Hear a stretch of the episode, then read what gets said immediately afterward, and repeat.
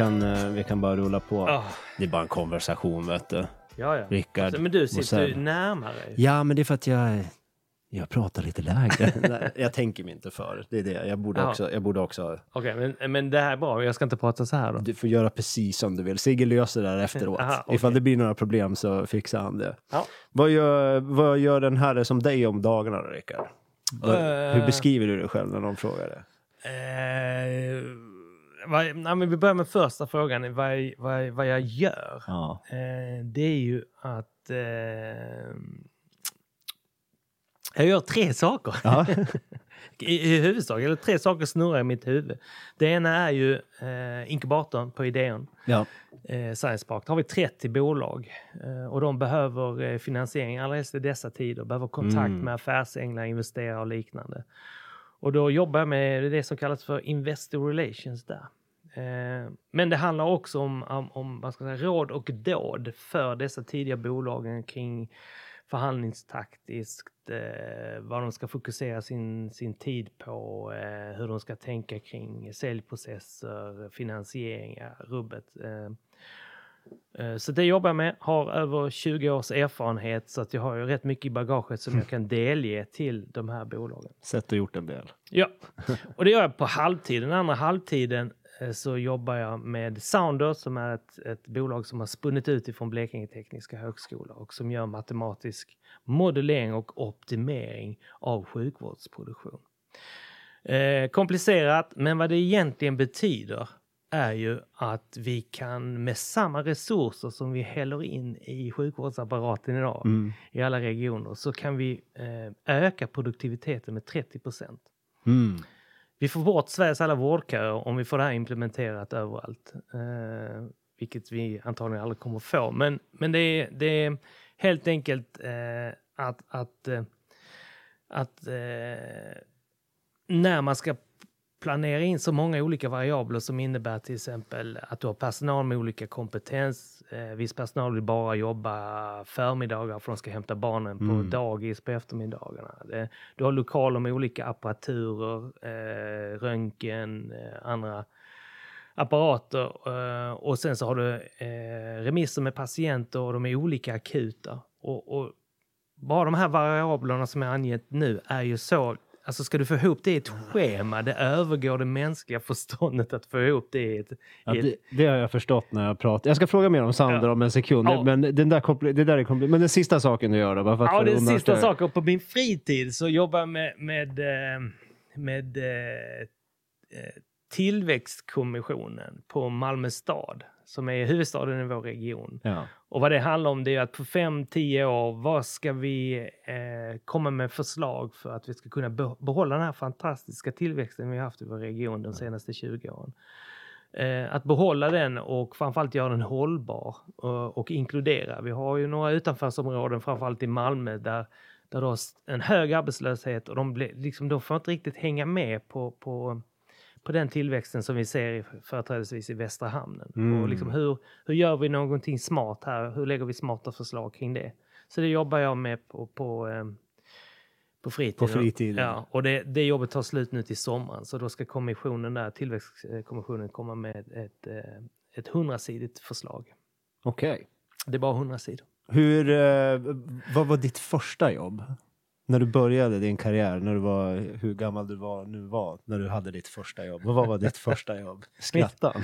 Ju mitt första jobb, alltså Ja. jag är uppvuxen i en entreprenörsfamilj så mitt absolut första jobb måste vara eh, att mina föräldrar gav mig, gav mig uppgiften, jag och min bror, min äldre bror, att städa något lager kanske eller bära bära lådor eller någon transport, liksom tömma något lager, någonting sånt där. Okej. Städa säkert. Men det, Städa mitt, säkert. mitt första riktiga jobb där jag liksom Skrev ett utanför familj- anställningskontrakt. Precis, ja. liksom. Det var eh, som 15-åring eh, enligt eh, då gällande kollektivavtal så var, det, var jag för ung för att jobba på maskin och plåtverkstad. Så 15 bast så jobbade jag med att, eh, till en underleverantör till Tetra Pak. Jaha. Borra, kapa, eh, montera och eh, ja, fräsa olika detaljer till Tetra Pak. Eh, De var underleverantör. Svema Mekaniska heter de, låg i Limhamn. Jaha. Och därifrån har du tagit till att nu vara chef på ett AI-bolag egentligen. Ja, det, det, det blev det ju. det, det blir det ju faktiskt. Ja, det blir det ju. Uh, ja, det är ju en lång... Det är en lång resa. Ja, det är, det är ju egentligen ganska underligt ju. Uh, men uh, jag jobbar ju, tror jag, där tre somrar på den maskinen och plåtverkstaden. Och det blev också praktiken som jag gratis fick med mig då in i på gymnasiet när jag gick fyra teknisk linje. Mm. För då behövde man liksom praktik ifrån någon, någon teknisk praktik. Så att jag, eh, så då, då slog jag två flugor i en smäll. Sommarjobb och få praktik. Pluggade du universitet efter gymnasiet också? Eller? Eh, ja, det gjorde jag. Fast någonting helt annat. Okay. då då, då eh, läste jag juridik. Okay. så, så det, är, det är liksom ja. svetsa, tekniskt, juridik. Just det. Så att, jag ser fortfarande inte liksom tråden nej, in i AI. det kommer du inte se. Nej, det, nej okay. verkligen inte. Utan det är, det är liksom svetsa, fräsa, eh, fyraårig teknisk maskiningenjör. När jag kom ut från den gymnasieutbildningen så började jag jobba som jeansansvarig på JC. så, sålde jeans. Så liksom, det enda slutsatsen var att jag ska inte jobba som ingenjör. Det var det som ingenjörsutbildningen ah, okay. gav mig. Och sen så eh, var jag iväg och reste lite grann, kom in, eh, knackade på Canon, fick deras säljutbildning, jobbade som säljare på kontorsmaskiner eh, då. Och där jobbade jag väldigt kort tid. De satsade mycket pengar på en utbildning till mig och eh, när jag var i princip klar så kom jag in på juristlinjen. Eh, och det var jättepinsamt att gå in till Roger Sonnelid som den lokala oh, chefen hette. Herregud. Och säga du, eh, tack för utbildningen men eh, ja, eh, nu ska jag gå på juristlinjen. Ja. Så att vad jag gjorde då, det var att jag lovade mig själv att jag, när jag får mandat och ansvar så kommer jag som en återbetalning, en långsiktig återbetalning, så kommer jag köpa Canon-maskiner. Mm. när jag får det inflytandet. Mm. Så att ingen av, i min omgivning har egentligen förstått varför när vi pratar, ja vi behöver en kopieringsapparat. Ja det fixar jag, det är en Canon. Det är en Canon. Vad roligt. Ja men eh, det blev ju bra men inte, inte rank Xerox, nej Canon, det ska vara Canon. Jag var på väg att säga, finns Canon ens kvar? Men det är klart. Nej, jag, vet inte. Jag, vet inte, jag vet inte ens om kopi, kopieringsmaskiner finns kvar. Men, Nej. men det, är, det är en sån här, man, man stoppar in ett papper så får man en dubblett av pappret. Jag, jag är 40 så jag minns kopieringsmaskiner. Ja, värre, är det med Sigge här. Har, har du aldrig sett en kopieringsmaskin? Nej, knappt. knappt de här som växte upp i skolan med skärmar, med touchscreen och allt sånt där. Just Nymodigheter.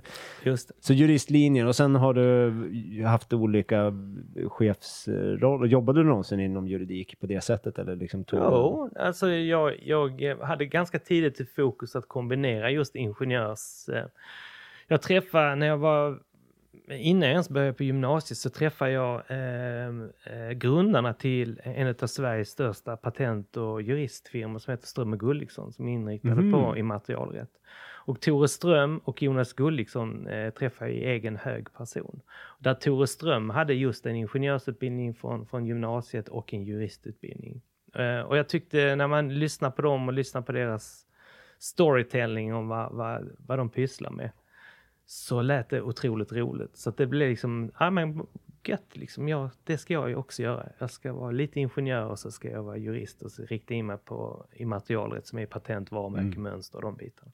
Och det kom ju ganska naturligt in i startup-världen när man, första jobbet handlade om att jag fick jobb på Region Skåne eh, på något som heter Stiftelsen Innovationscenter. Eh, och då den tillsammans med Teknikbrostiftelsen, KK-stiftelsen, så kanaliserar man tillbaka gamla löntagarfondspengar där för, för många år sedan som man hade dratt in då genom löntagarfonderna. Och sen så blev det, jag tror det blev ett, ett, ett eh, regeringsskifte och, eh, och den nya regeringen liksom avvecklade löntagarfonderna. Mm. Och då skapade de då ett antal stiftelser som hade tryckt tillbaka pengarna till, till näringslivet. Ja, ja. Och då halkade jag in där som liksom eh, tillsammans med Eh, vi var ett litet team här i Skåne på fem, sex pers som, som eh, helt enkelt eh, titta på tidiga idéer och kunde då eh, ge lite mjuka pengar i form av patentansökan, marknadsundersökning och liknande. Och, och vi screenade cirka 800 produktidéer per år och det höll jag på med i, i fem år, någonting sånt där. Ja, fem och ett halvt år. Så det var många idéer som passerade revy då. Där man fick den initiala kontakten. Och jag var liksom i det gänget så hade vi en designer, en ekonom, en företagsledare och en jurist. Jag var liksom juristen i gänget. Mm. Ingenjörjuristen. Ja, vi hade en ingenjör också, så okay. jag, jag brukar titulera mig bara som juristen. Amen. Med lite ingenjör. men mest jurist. Amen. Men nu, nu börjar det lukta lite mer... Eh, ja, nu börjar vi närma oss. Nu börjar det närma sig ja. lite. Nu kan man se lite tydligare. Just det. Ja. Men Sounder, Sounder är ju, alltså, jag eh, har ju varit på presentation, videopresentation med dina, dina medarbetare, alltså uppfinnaren av det här och sådär. Och jag är, jag är otroligt imponerad. Alltså jag är verkligen, jag, jag tänker på Sounder, alltså så här på kvällarna efter jobbet. Men jag undrar hur man ska göra för att hjälpa de här. För det här måste ju bara ut. Alltså det här måste ju bara ut till alla Ja, nu låter det mest att jag sitter och säljer, du sitter och skrattar. Ja, precis. Men det är ju sant. Get alive! det är alla nördiga på olika saker. Ah, ja, men, ja, okay, det, alla, men det är, det är en fantastisk, en fantastisk, fantastisk produkt. Ja. Den är kapad, eller ökar produktionen med 30 procent med bibehållen liksom personal och utrustning. Ja, ja. Och när jag pratar med familj, släkt, vänner som är i sjukvården och man pratar om schemaläggningen så får man ju ofta höra vi gör bara 20 procent utav det arbete vi vet att vi borde göra inom schemaläggningen. Mm. Och liknande historier. För det är, mm. som, det är så otroligt svårt för människans hjärna att parera för alla de här sakerna som du nämnde i förbifarten här i början. Ja. Du nämnde rollen. Men eh, eh hur, hur hamnar du på Sounder, höll jag på att säga? Ja, alltså det är ju... Eh lite eh, ja, omständigheter. Jag, eh, eh, jag har ju haft massa olika jobb, men ett jobb jag hade ett tag, det var att, att jag jobbade med eh, vad vi kallar för scale-up-bolag. Det är mm. bolag som liksom har eh, kommit lite längre ganska klara med vad, vad är det för produkt och tjänst de vill erbjuda och har liksom affärsmodellen och prisat den och då så ska de liksom skala upp det med framförallt med försäljning då och gärna lite finansiering också så man kan bygga marknader och, marknader, kommunikations och säljorganisation. Mm. Eh, och så, så jobbar jag på Business Sweden Eh, och Business Sweden är ju en nationell organisation med 50 stycken, cirka 50 stycken kontor som hjälper svensk industri att, att eh, exportera och framförallt eh, utöka sina marknader. Och så drev jag en workshop där och Eh, eh och då var det en 6-7 bolag som jag hade en workshop för och Sounder var en av dem som, som då eh, de kände att de, de hade internationell kapacitet för detta här. Att, ett internationellt intresse var naturligtvis intresserade av hur gör man om man vill gå initialt kanske ut i Norden eller i Frankrike, England, vad ska man tänka på? Och sen så drev jag en tre dagars utbildning på det för, för Business Sweden. Och under den tiden så så Marie Nets och Mattias Nets som är grundare av bolaget, de, de, tyckte väl att jag var en uh, trevlig prick uh, med hyfsad uh, erfarenhet och, och, kunskap. Så att ett och ett halvt år senare, tror jag det var, eller två år senare, så kom de och frågade om, för de kände att de behövde någon som kunde, kunde liksom driva hitta, hitta finansiärer, mm. investerare, mm. men också driva eh, försäljningen eh, och själva eh, det operativa. Medan Marie är ju matematiker och programmerare och, och, eh, och har också fingrarna djupt in i själva eh, vårdsektorn. Och Mattias är projektledare och jobbar med Ericsson och, och liknande också. IT-strateg då. Eh, men de kände inte att de hade just den här andra sidan som jag kunde komplettera dem med. Så det var, jag kunde alltså ingenting om matematik eller matematisk optimering. Nej. Vem kan det, höll jag på att säga. Ja, precis. Så att, eh, och det, det, det, är liksom, det är ju, det är ju, det är ju liksom, alla moderna bolag måste byggas, påstår jag, utav heterogena eh, kompetenser. Och, och då gäller det att hitta team där, där man gillar varandra som person, erkänner varandras kompetens och och respektera varandra. Och, och, och sen gäller det liksom att försöka köra på med utgångspunkt ifrån det. Mm. Så då, ehm, då fick jag frågan om jag ville gå in som vd på halvtid. Eh, fick också frågan om jag ville investera lite grann i bolaget och med, med den pitchen som, som de gav mig så, så, så var det eh, ganska litet steg för att, att eh, vem av oss har inte släktingar, vänner någonting liknande som på ett eller annat sätt eh, möts av vården och ibland också eh, möts och får frustration över att inte liksom få det bemötandet eller den servicen eller mm. den behandling som de har tänkt sig. Eh, och inte minst nu under pandemin och strax efteråt så har vi översköljts dagligen av olika typer av rapporter. Man går i väggen, ja. köerna är långa etc. Och, och, eh, och då vill man ju bara liksom, man vill ju bara göra någonting åt det. Ja. Alltså vill man lägga sin tid på någonting så det är klart man kan, man kan eh, kanske lägga mycket tid på att sälja tennisrack eller något liknande. Men det är kanske inte, li, li, liksom inte riktigt lika viktigt. Nej, kanske jo. Det, det, Om man inte nu brinner för tennis ja, hur mycket som helst. Ja, men det, det är ju friskvård. Ja, ja, i och för sig. Sanning. Ja, ja precis. Men det, det, är liksom, det, är ändå, det, är ju, det här är viktigt som fasiken. Ja. Och besparingarna vi skulle kunna göra på, för skattebetalarna ifall det här var ute ja. hos, hos alla hade ju varit otroliga. S Sveriges regioner och kommuner finns någon sån här branschorganisation. Ja. Och, eh, och de de kungjorde att, jag tror det var att all personal i alla regioner i hela Sverige kostar per år 164 miljarder svenska kronor. Ja, billigt. Kan det stämma? Säkert. Ja. Jag, jag... Och, och, och, kan vi, och, och då tänker man, vad är värdet av att du kan öka outputen från denna personalen med 30 procent? Man kommer naturligtvis aldrig nå dit. Men, men 15, men om, om vi då säger... Jag säger 10 då. Ja, precis. Alltså, det är fortfarande otroliga... Det är många miljarder. Ja, det är många miljarder. Precis, ja. Så att, så att jag räknar att värdet utav, av att, att den här matematiska optimeringen, den ligger ju någonstans kanske kring 40 miljarder då ju. Ja. Eh, och det är ju i princip eh, innan vi gick med i NATO, hela försvarsbudgeten och någonting sånt där. Hur mycket kostar Försäkringskassan per år totalt? 35 eller något sånt där? Ja, kanske. Jag vet inte. Ja, jag minns inte. Jag har för mig att det ja, jag kanske blandar ihop mina siffror. Men ja, ja. det är definitivt mer än vad försvarsbudgeten var för tio år sedan. Ja, det, det, definitivt. definitivt. definitivt. Nu, jag vet inte vad den är. De har ökat fast bara med 2% upp till 2 utav BNP. Ja, men vad är BNP då? Uh, är det 2000 miljarder? Nej. Mm. 4 000 miljarder. 4 000 miljarder kanske. Nej, jag, jag, jag, har ingen aning. Vi drar till, jag la till, Anders... Men du hade Google där ja, kan, vi, kan vi kolla hur, hur mycket är vår, Sveriges BNP 2022? Ah. Det måste finnas siffror. Sweden BNP. 5400 Wow! Oj, jäsiken! Mätperiod 2021. Det är ju helt av ju. Vi pratar 2000 miljarder. Det var så mycket, ja. Fast du snuddade ju på fyra där också i, din, mm. i, ditt, i ditt försvar. BNP per capita 530 830 kronor. Är det vad en svensk är värd då? Per jag år? Vet, jag vet. Alltså, jag, jag har läst um, uh, budgetpropositionen. Mm. Och, och, jag tror omslutningen på den är bara 2000 miljarder. Så BNP är liksom det är totalen, det är inte vad vi det, har i... Precis, det måste vara ett annat mått som är liksom att man mäter liksom eh, inte bara eh, statens intäkter och Nej. utgifter utan det måste vara liksom produktion som görs eh, på något sätt om du förstår vad jag menar. Ja.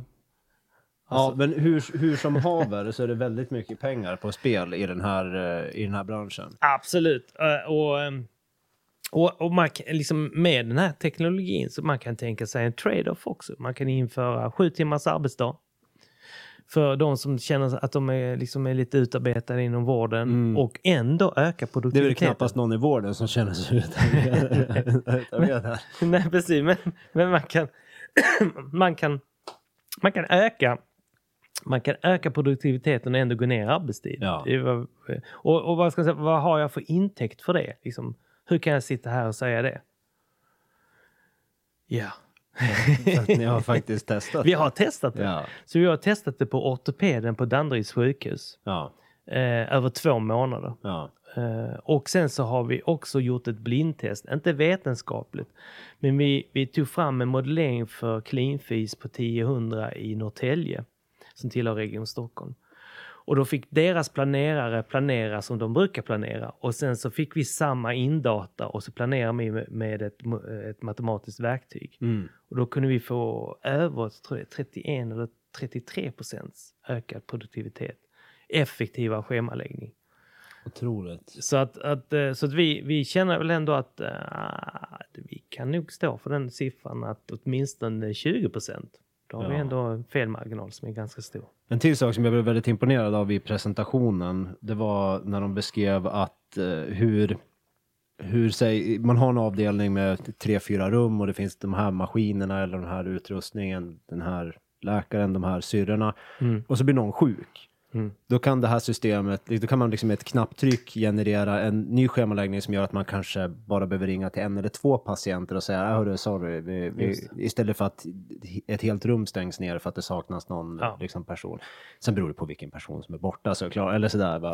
hur många man måste ringa. Men poängen är att man kan generera en ny liksom ny plan för dagen i realtid här och nu istället för att man Precis. får något kaos och vi vet inte vad vi ska göra. Precis, för att som, som jag, sist jag var på vårdcentralen och tog ett blodprov mm. så tänkte jag här, henne måste jag intervjua. Så jag började intervjua hon som tog blodprov då, mm. Eh, den biomedicinska analytikern där, BMNA, BMNA. Och eh, hon undrar nog vad jag var för en. jag ställde massa dumma frågor. Vad, liksom, vad händer om dina kollegor inte dyker upp? Vad, vad menar du? men, men hennes svar var ju faktiskt, hennes svar var att ja, eh, så sa jag så här, ja men ring, om, om liksom två vabbar ringer in på morgonen och säger, jag kan inte komma idag. Eh, vår yngsta barn är sjuk, bla bla bla. Vad gör du då? Ringer du in, liksom, har ni en backup? Har ni en pool med backup-folk som ni kan ringa in? Nej, Nej. det gör vi inte. Okej. Okay. Vad gör du då? Nej, vi, vi, vi får täcka upp. Ja, men då kanske du ringer och liksom avbokar pass, eller patienter. Nej. Vi springer snabbare, det var hennes svar.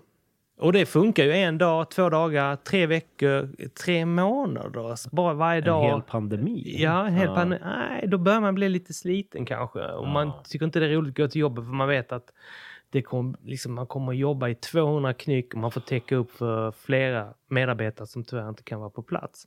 Med det här verktyget så räknar du om schemat blixtsnabbt och så får du reda på, okej, okay, så här många patienter kan vi ta idag. Mm. De här eh, 12 som vi har efter klockan tre idag, vi ringer dem redan nu klockan åtta på morgonen och bokar av dem eller bokar om dem. Mm. Eh, och då får du, över den dagen får du en hållbar arbetssituation. Ja. Eh, och så gör du likadant nästa dag. Så att, så att du liksom i realtid planerar du dagen på ett hållbart sätt. Och tänk, tänk att ha det liksom beslutsstödet som ja. ledare. I liksom, egentligen oavsett organisation, men det här att här, få den här typen av feedback. Det är väl lite så vi ska jobba med AI överhuvudtaget just nu i varje fall. Att mer ha det som ett bollplank, ett stöd, en rådgivare än faktiskt eh, Precis än faktiskt... Uh... För det finns en risk med det, precis som du är inne på. Mm. Risken är ju att, att om, du inte, om du inte förstår vilken data du stoppar in och vad det får för, för, för konsekvenser på verkstadsgolvet, om man får uttrycka sig så. Och, eh, och Marie som är hjärnan i gänget då, hon brukar alltid säga att det gäller att, att du, du gör en planering med verktyget, men sen så tittar du med dina erfarna ögon på, mm. på själva schemaläggningen. Mm. Och sen så förstår du ganska snabbt om du kan verksamheten. Ja, det här är ett robust schema. Det här funkar. Eller så gör du finjusteringar. Så du får ett första utkast som du sen kan finjustera utifrån din egen erfarenhet. Mm. Så att det, det, det, är inte meningen att du ska ta bort en, en, en, en planerare eller en optimerare. Utan du ska bara göra verktyget så mycket mer kraftfullt för den personen. Ja. Um, Ja, det, är något, det är en otrolig grej. Och det, men eh, är det Maria som, är det, det är hennes forskning som ligger till grund? Ja, hon, har, hon, har ju, hon har ju doktorerat på detta här. Hon har forskat på detta här i 20 år. Hon har ja. varit inspirerad utav, av flyg, flyg, eh, flygindustrin som har haft detta här för att vända plan eh, och liksom så snabbt som möjligt få planet åter upp i luften för det är där de tjänar pengar. Ja.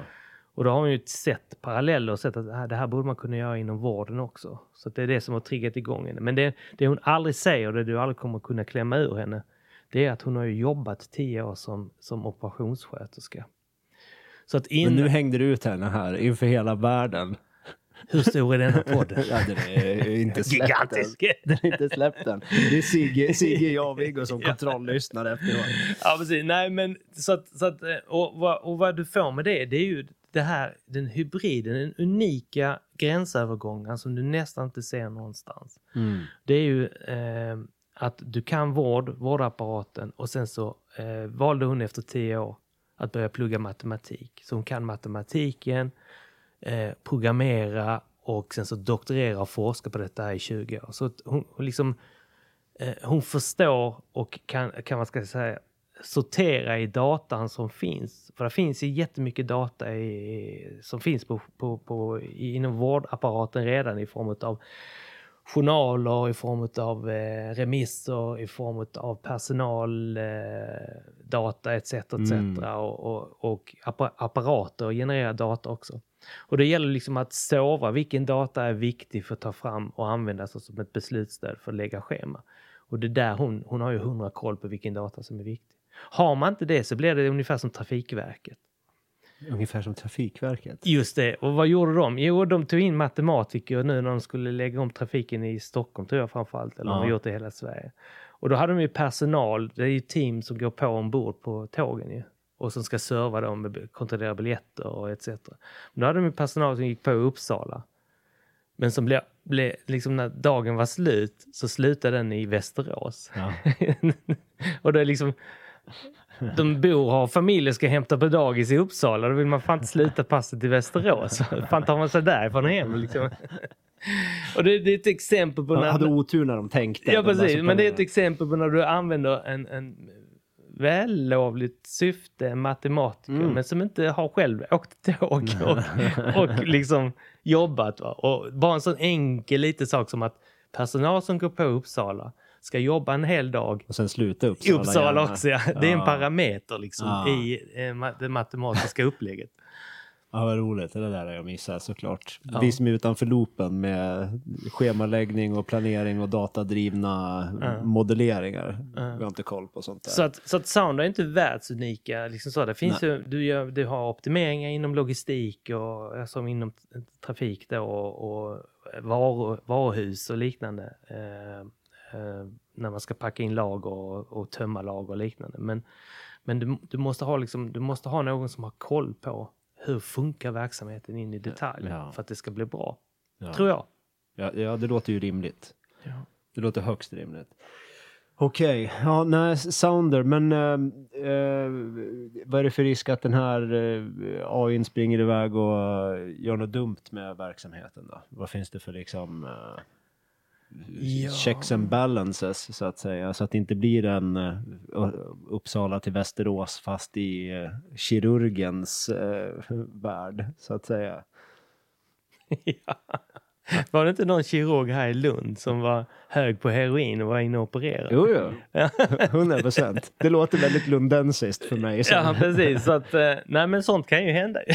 nej, nej, men jag är ingen AI-expert så, men om jag liksom pratar med med Marie som är en expert på ja. området så, så är hon är ju ganska liksom, hon är ju ganska cool med det ju.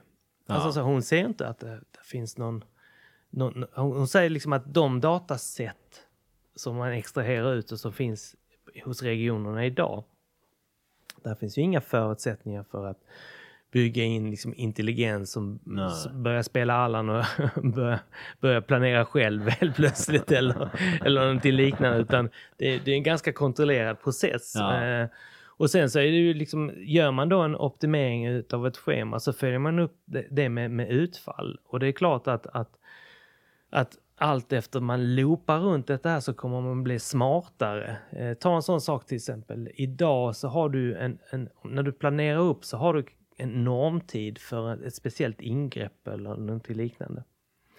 Och då säger man till exempel att, eh, varför har jag men att ta ett EKG ska ta 15 minuter. Mm. Uh, och, och då har man ju liksom satt det, eller om det tar en halvtimme, jag vet inte, men ponera att det tar en halvtimme.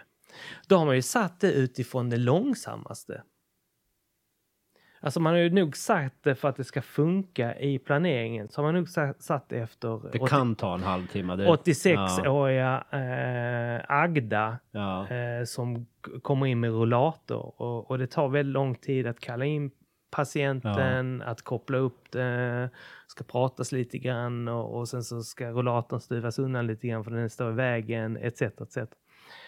Eh, vad du kan göra då det är att du kan ju faktiskt börja se mönster i hur olika patienter, vad de har för normtider, mm. eh, om du följer utfallet. Så att eh, något år framåt så kommer vi förstå att när, när 20-åriga Kalle kommer in så kommer det här besöket ta 10 minuter med största sannolikhet. Mm. Och då, då, har vi liksom en resttid på 20 minuter som man kan eh, kalibrera en maskin eller man kan göra någon annan uppgift. Och ha kvar halvtimmen för Agda till exempel. Men, men, eh, men du kan ha mer precis planering för att du förstår bättre vad det är för patient du får in. Gud vad intressant. För du har mer data på patienten. Gud vad intressant. Det där kommer ju bli... Eh, det där kommer ju komma mer och mer i många branscher förstås. Att liksom det prediktiv, eh, hur lång tid av arbetsuppgiften kommer variera beroende på, ja. så får man mer och mer data. gud vad intressant. Och det kommer för, förfinas eh, ja. naturligtvis. Och det, och det är samma sak där, pratar man om med Mariva så säger man då, ja men det, Foodora är ju liksom en, där är de stackars om man får uttrycka sig så, om man följer i alla fall vad Sydsvenskan har skrivit, så då är de, de som levererar mat, de är jagade av en algoritm. Ja. Eh, och, och levererar inte köket, restaurangen så som, så, som det är tänkt, va? Så, så blir de obönhörligt väldigt stressade, kommer långt efter eh, i schemat och det liksom kapsejsar. Vad Marie säger det är ju att, att, att de som är så stan alltså ingrepp och patienter som har, man, man har mycket data på och där man är, har hög säkerhet på att det kommer ta den tiden man estimerar. De lägger man då i början på dagen. Mm. Och de som är lite mer där du har en, en, en något osäker sluttid, eh, de lägger du i slutet på dagen. Mm, för, såklart. Ja, för att då får du robusta scheman. Det där jag menar med att det är ju erfarenheten. Du kan inte trycka in AI i en verksamhet med, med liksom en nyexaminerad sjuksyra som ska göra detta här. Va? Eh, för då, då, får de inte ihop det, utan det måste vara erfaren, duktig personal som liksom tittar på schemat och, och känner av liksom någonstans i magen att hmm, här har vi ett robust schema.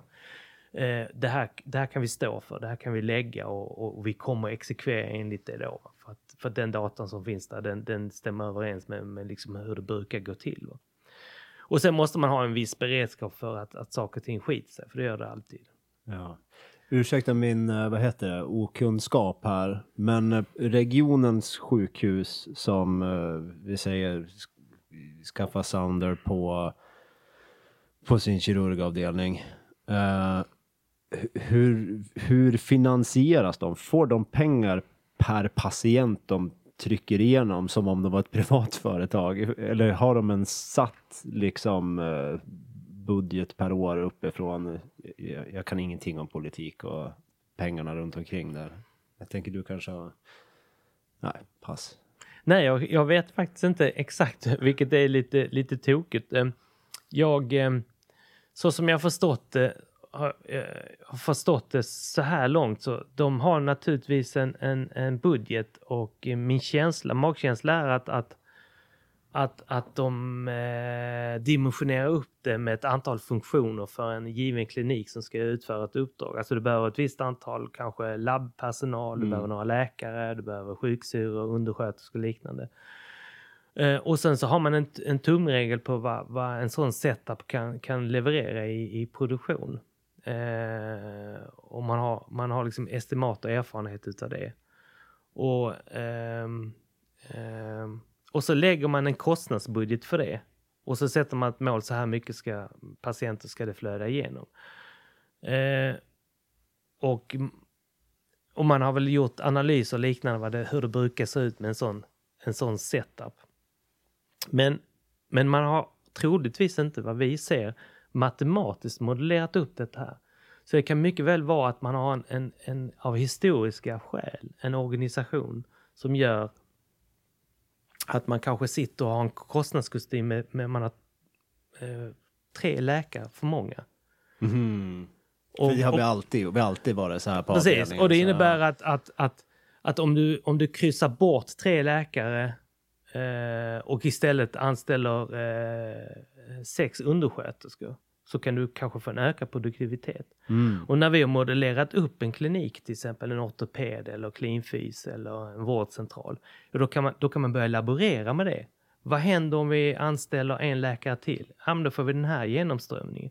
Vad händer om vi behåller personalen? och lägger till två behandlings mottagningsrum istället. Så vi kan liksom plocka in eh, patienten in och förbereda patienten i ett mottagningsrum och låta läkaren springa från rum 1 till rum 4. Eh, istället för, för att eh, läkaren sitter och väntar på att, att ett rum ska tömmas och en ny mm. patient ska in. Va? Så man kan laborera med rumsresurser, apparatresurser på ett annat sätt och öka, öka produktiviteten. Utan att det blir stress utan mer att, att du jobbar smartare och du får bättre flow över dagen. Så att det inte blir som i Amazon-lagret att du måste springa från ena hörnet i byggnaden till den andra på åtta sekunder för att du ska hinna fylla den här korgen i tid. Liksom. Den vill vi inte ha. Nej, precis. Det känns som att läkare är stressade nog. Ja, precis. Så att, eh, men, men man kan också göra sådana scenarier. Eh, alltså man kan, man kan titta in i framtiden eh, och göra ett bättre planeringsarbete kring det helt enkelt. Mm och, och långsiktigt planera. Liksom, sitter man och planerar 2024, ja, då kan man redan nu säga ja men den här utrustningen, de här lokalerna och det här, då kommer vi kunna eh, kommer vi kunna hantera så här många patienter. Mm. Eh, vad händer då om vi lägger till två lokaler till eller vi köper in en ny röntgenmaskin? Ja, men då kommer vi få det här utfallet. Och då kan man ju försvara den investeringen. Ah, just det. Som planerings... Alltså så är det ju också intressant förstås att du kan modellera vad händer om Titta situationen. i kristallkulan ja. Oh. Det kommer ju finnas fler branscher som har liknande verktyg. Som, oh, gud, alltså AI håll, Vi lever i intressanta tider, Rickard. Det finns en annan myndighet som är väldigt mycket i ropet. Ja. Polismyndigheten. Ja, de har vi hört talas om ja. på slutet. Där kan man också göra fantastiska optimeringar tror jag kring personalplanering kopplat till olika typer av utrustning, fordon etc. Mm. etc. Eh, där jag tror du kan nå en enorm, ett enormt resultat också utan att egentligen ha varit inne i organisationen. Finns det inte en risk att människan kommer bli ännu sämre på den här logiska planeringsgrejen ifall vi outsourcar de här tankarna till datorer hela Nej, tiden? Vi är redan så jäkla sopiga. vi är riktigt... Alltså det, och det, där, det är ju det som är Maries forskning. Ja. Vad hon visar det är ju att det krävs inte många heltalsvariabler för att, att vår hjärna liksom, det liksom den ballar ur. Va? Jag hörde någon forskare igår på en podd som sa att eh, de två värsta sakerna människor vet om det är att prata inför folk och räkna matematik. Det är de två liksom, i, i värsta handlingarna vi gör på en, eh, på en livstid för många. Ja, det kan det vara. Det stämmer säkert också. Kolla på kartor, en del statistik. Vet, och titta på sån statistik är också en del som har, har lite frustration över det. Statistikkarta? Ja, ja alltså det, olika kurvor du vet. Ja. Och sen så har du skalor både under liksom Y-skala och X-skala. Och... Aha, nej. Du, det är bra att outsourca det tråkiga arbetet till en AI helt enkelt. Ja, Okej, okay. vad, vad, har vi glömt för att ta upp för uspar med Sounder då? Vad finns det mer vi vill ha sagt om den här mjukvaran? För jag, jag menar verkligen det jag sa innan. Jag, jag tycker det här verkar vara framtiden på riktigt och vi måste, vi måste bara få ut det här till folk. Jag, alltså därför... no, no, affiliation vill jag Nej. bara flika in, i varje fall inte just nu. Nej, precis. Så, Men så... du hade vilket bankkonto? eller Swish, eller vad var det du sa? Swish fungerar bra. Det går inte under Finansinspektionen. Nej, precis. De har ingen koll på nej, Swish. Men, nej, men det fixar. Det fixar nej, men, men eh, jo, men en annan intressant sak som, som jag tycker är lite spännande. Mm eh, med sound. Då. Det är ju att, att vi är ju så fokuserade på liksom eh, metropolerna. Malmö-Lund, kanske inte världens metropol, men vi har i storstäderna Göteborg, Stockholm, Malmö-Lund, Köpenhamnsregionen. Och vi har, jag tror det är 13 universitet i Öresundsregionen. 13? 13, ja. Är det så jäkla många? Ja. Ja, men men fråga mig inte var vi drar gränsen. Roskilde finns ju säkert med där och norra, ja, okay. norra Jylland, inte norra Jylland, men norra Själland och ja, vi säger det. Ja, det, det Öresunds, ja. Jag hörde det häromdagen så att, det var en professor som sa det så att vi, så att, eh, vi, vi får lita på det. Ja. Eh, och, uh, och liksom, och det är liksom här händer ju otroliga eh, utvecklingar, produkter, tjänster, forskning och liknande.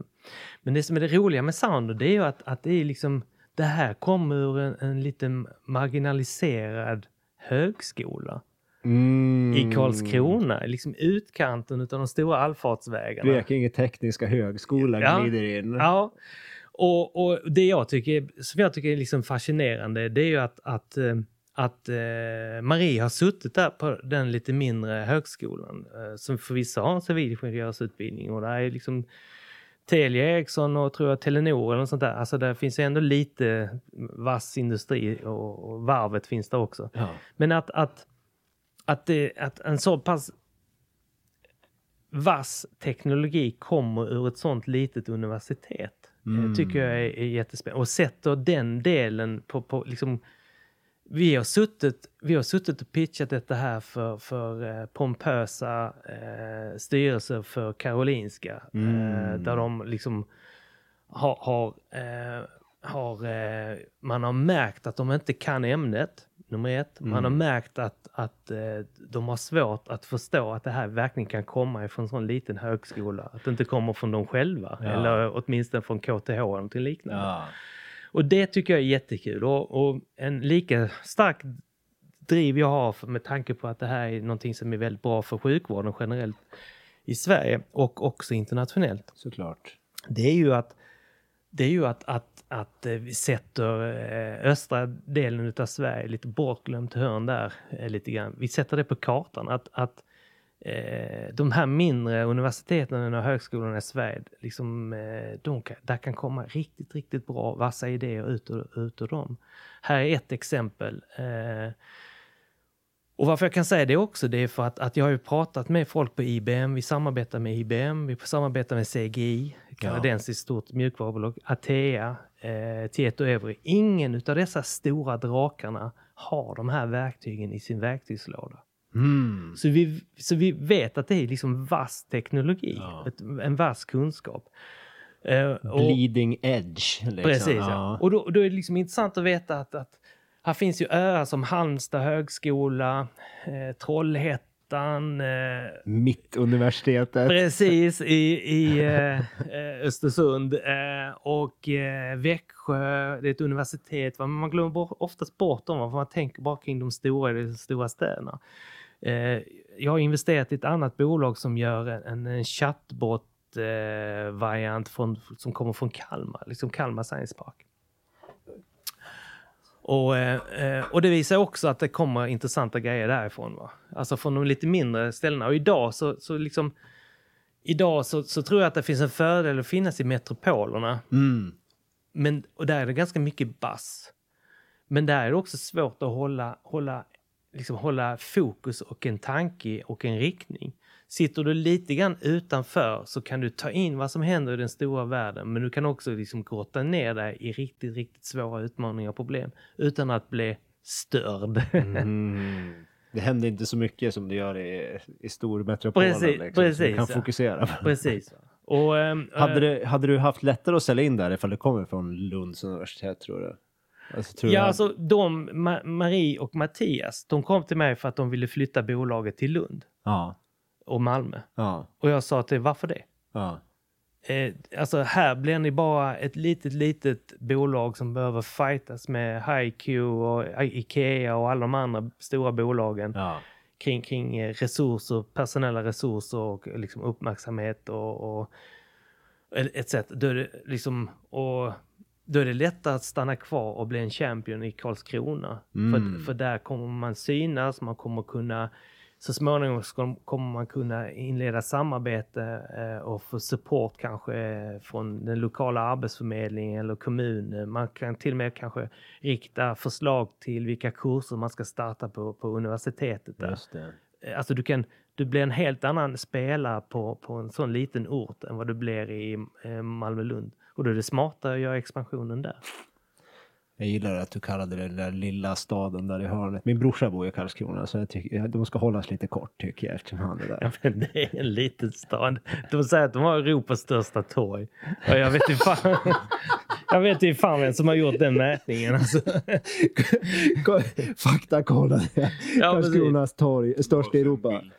Du är bara en bild på ja, Jag var där häromdagen. Liksom. Det är fint. Kyrkan ja, är cool. superfint. Du ser där, där är ju liksom... Europas största är det Europa, Alltså jag menar, har de varit på de olika ställena, typ där det finns torg? Paris, Moskva, Röda torget där till exempel. Uh, Någon piazza i Rom. att uppleva ett av Europas mest fantastiska torg. Trots att heter ön med stadens centrum och många besökare stannar. Ah, där kommer det. Och förundras över storleken. Ett av norra Europas största stenbelagda torg. Den, specifik den specifikationen. Med granitsten säger de också. Uh, men jag gillar säljaren i dig som säger ja. största torget, punkt, i ja. hela Europa. Istället ja. för en av norra Europas största stenbelagda torg. Så blir det, jag gillar det. Ja, men jag citerar en Karlskronit ju. Så att, eh, men eh, här ser vi fakta. Ju. Jag sa, jag, sa, till en riktig forskare igår att eh, Mauritanien, heter, uttalar man ens Mauritanien, landet i norra Afrika? Säkert, Mauritanien. Ja, jag säger så. Att det stod för, innan guldruschen i, i Nordamerika, att det stod för 96 procent av världens export av guld. Aha. Och det är också en sån här siffra, jag har ju ingen aning. Alltså, så det var en killgissning? Du bara hittade på ja, eller? Alltså, det sen, fanns någon fakta? Nej, ja, det finns en fakta i det för att det var, det var, alltså, det var ju den kända världen för europeer fick 96 mm. procent av sitt guld därifrån. Men det tog inte hänsyn till petitesser som Ostasien och du, du, vet. Men eh, vi här innan, eh, vi här uppe i Norden fick över 90 procent av vårt guld därifrån ja. innan. Ja, ja, men, ja, men, ja, det är lite coolt. Det är också på någon sån här, vad är det, Stora Karlshamn utanför Gotland. Mm. Så har de hittat en silverskatt med arabiska mynt. Från, som är liksom typ från, från 600-talet eller sånt där. Wow. Och då blir man så här, då betyder det att då fanns det liksom upparbetade kommunikation, handelsvägar ja. och liknande. Eh, och allt sånt börjar liksom, det börjar liksom, eh, nu med DNA-forskning och liknande så märker man att, att världen krymper ihop. Ja, eh, verkligen. Eh, att, att liksom, ja. Hade de inte hittat indiska skrifter i Birka också när de gjorde utgrävningarna där? Jag tror det. Ja, precis. Det är och, fantastiskt. Och amerikanska Coca-Cola-burkar också. Nej. Fast det var nog, var nog lite senare. det, det, var, det var något skumt med det. Va? det var någonting. Ja. Men de har ju hittat, de har hittat unika DNA hos en kvinna uppe i Norrland någonstans. Eh, hon har en, en, mutation som, som bara ett, en annan befolkningsgrupp har i, i långt, långt i liksom bortre Sibirien. Och slutsatsen är ju då att, att att under, under årtusenden så har ju den, eh, den, den vad ska jag säga, fysiska platsen i bortre Sibirien har varit kopplad till eh, Norrland på något sätt. Ju. Ja, såklart. Alltså, för att annars hade inte den, den, eh, den mutationen kunnat hittas hos den här kvinnan. Ju. Otroligt. Att, och, det, och då visar också, okej, okay, då har man kanske rest sjövägen då eh, när det har varit isfritt så att säga, ganska långt i, i, i olika typer av folkvandringar och liknande. Ja, spännande. Kom... Hur kom vi in på det? Ja, jag började prata om guld. Nej, men det, här, det, här, är, det här är den här podden i ett nötskal. Ja, okay. igår, igår så försökte vi prata om liksom, något väldigt specifika lungsjukdomar, men det slutade att vi pratade om Atlantis och ja, okay. allt. Uh, allt. Var fanns Atlantis? Och, och, exakt. Det var, det var ja. Så. Ja. Äh, apropå det med folkvandringar, så en äh, grej som jag kommer ihåg från när jag bodde i Norge, det var att de pratade om en liten by i Nordnorge där det liksom ökänt vackra människor bara i allmänhet. Och alla är brunögda. Och så hade man då hittat då något förlist skepp ifrån spanjorer från typ så här 15-1600-tal som hade förlist i den här byn och producerat dessa otroligt vackra brunögda norrmän. Det, världen är liten. Världen är liten. Jag undrar faktiskt hur, eh, hur mycket människor som åkte över Atlanten och åkte över Stilla havet och sådana här saker i forntiden.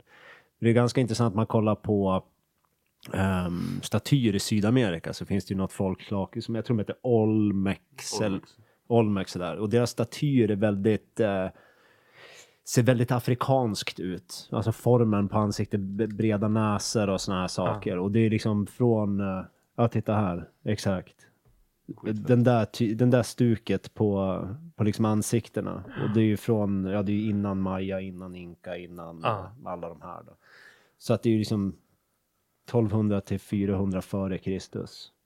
Ja. Det ser lite polynesiskt ut också. Lite polynesiskt, ja exakt. Ja. Jo, men det är ju precis som eh, de har upptäckt vikingagava på Newfoundland eller vad det är. Så att, eh, nej, men det har nog varit eh, rätt... Det har, det finns någon sån här pocketbok jag läste i hängmattan en sommar, liksom där allting för 50 000 år sedan kokade ner till 50 individer, individer som passerade nuvarande Israel eller någonting sånt där från, från Afriks, afrikanska kontinenten och som, som är liksom eh, basen för all mänsklighet. Mm. Eh, så att, eh, så att eh, nej, vi är nog ruggigt uppblandade. Så är det väl. När man, eh, jag själv har fått reda på ganska nyligen vid ett sånt där DNA-test. Ja, du har gjort ett sånt? Ja, absolut. Där 25 eh, procent av mitt DNA kommer från Balkan. Från Balkan? Ja, så jag är jugge. Jajamän. jag är 25 procents jugge. Härligt. Har du några procent neandertalare i dig? Eh, nej, det, det var... Nej, nej. Utan, var, för att den berättar var någonstans i geografin man har liksom kopplingar till DNA. Ja. Så det, i så fall är det liksom var finns neandertalarna? På kartan. Ja. Ja, nej. Ja, det, för det, det, men är det norra Frankrike kanske? Nej, jag bara skojar. Jag, jag, frågar bara för att det, det, alla jag känner som har gjort sådana tester, det blir så här, va? Har jag 1,6 procent neandertalare i ja. mig? Vad är det här för någonting? Ja. Jo, men så kan det vara. Jag, det, det, är inte jag som gjort det, utan det är min bror som har gjort det. Men vi har ju samma föräldrar, så vi borde ha gjort det i samma DNA. Men det andra lustiga var, och här ser jag en möjlighet. Ja. Det var att en, en annan 25 procent visade sig att det fanns en koppling till eh, Norrland. Ja. Uh, och, uh, och, Kanske därför du och jag kom överens. Ja, precis. Väster, Västernorrland var det nog. Ja. Och då blev jag så här, ja, men vänta lite. Eh, då kanske man kan, man kan eh, åberopa något samiskt mm. påbrå och därigenom få tilldelad eh, kanske lite ripajakt eller någon fiskerättigheter eller någonting sånt där. Eh. Du som är... Ja. Testa. Jag är dålig på det där med jaktregler och sånt. Du är det? Ja, de uh, du, du bara skjuter så... och frågar inte. Skjut, gräv, tig. Ja, nej, exakt. Nej, jag, har ingen, jag har faktiskt ingen jaktlicens. Nej. Det är en av anledningarna de slängde ut mig från Jämtland. Ja, ja. Inget körkort, ingen jaktlicens. Slusa. Snusar vit snus istället för lös snus. Dricker gärna riktig öl istället för hembränt om det går. Ja. Ja, det är mycket, mycket, fel på mig i jämtlänningens ögon. Ah, okay. Men jag hatar folk från Sundsvall. Så att eh, därför är jag okej ändå. Så. Alltså från kusten? Ja, ja, ja. Klyktattare kallar vi dem. Jaha. Ja. Eh, okej. Jag skojar. Det, det, det, det, det, är ett gammalt skämt. Ja. Det är ett gammalt skämt. Men det, det, det är ändå liksom 30 mil ifrån ju. 18,5 bara. Jaha, det, det, är så nära? Ja, det är, det är närmsta stan från Östersund. 18,5 mil. Ja, ja. Näst närmst är Trondheim på typ 22 mil. Jaha. Ja. Ja, ser man på. Korta avstånd. Och ifall man åker den sträckan härifrån, har man, har man kommit till Karlskrona va? Man kört förbi Karlskrona på 22 mil. Nej, men det är nog 20, 22 mil till 22, Karlskrona. Ja. Så samma avstånd Karlskrona, Lund där, Trondheim, Östersund där uppe. Ja. Ja. Det är, det är en faktoid jag tagit upp för många gånger när Jämtland har kommit på tal, men jag älskar den. Och det är att det är sån cirka 130 000 människor i Jämtland. Och det är tre gånger så stort som Skåne. Ja. Det, det är lika många människor som i Lund, inklusive studenterna, men på en yta tre gånger så stor som Skåne. Jag har en kompis, Pelle Simonsson, som tidigare var, var vd för inkubatorn där uppe i Östersund. Ja så, så eh, tipsade han mig med om ah, men fan, du borde prata med vår regionpolitiker Magnus någonting. Uh. Så han, eh, han gav mig en sån här varm lead in till honom. Och sen så eh, skulle min fru upp till, eh, till eh, norra Dalarna, Grövelsjön på konferens. Och så tänkte jag, ja men jag hänger med där. Så kan jag, det är bra lina så man kan sitta och jobba och ta Teamsmöten och sånt där. Och sen så tittade jag lite kort på kartan och tänkte, vad fan, Grövelsjön, det är ju jättenära till, till Östersund. Ja. Du ska bara köra genom Härjedalen. Nej men så tänkte jag, det, det är ju inte så. Så jag, så jag ringde upp till han Magnus då på, på regionen där. Så, du, jag ska ändå vara i krokarna så vi kan ta ett lunchmöte. Uh, och han där, ja för fan, jag är tillgänglig så, och jag vill gärna veta mer om matematisk optimering. Och sen så skrev jag tillbaks till Pelle, så sa jag till Pelle, fan, jag pratade med Mange här och jag sa att jag kommer upp över lunch liksom. Och han sa det, fan du borde flytta hit. Vad menar du? Jo men alltså det här med avstånd verkar inte vara liksom, du verkar klippt och skuren för det redan. Så tänkte jag, vad menar med den kommentaren? Så jag började kolla lite närmare.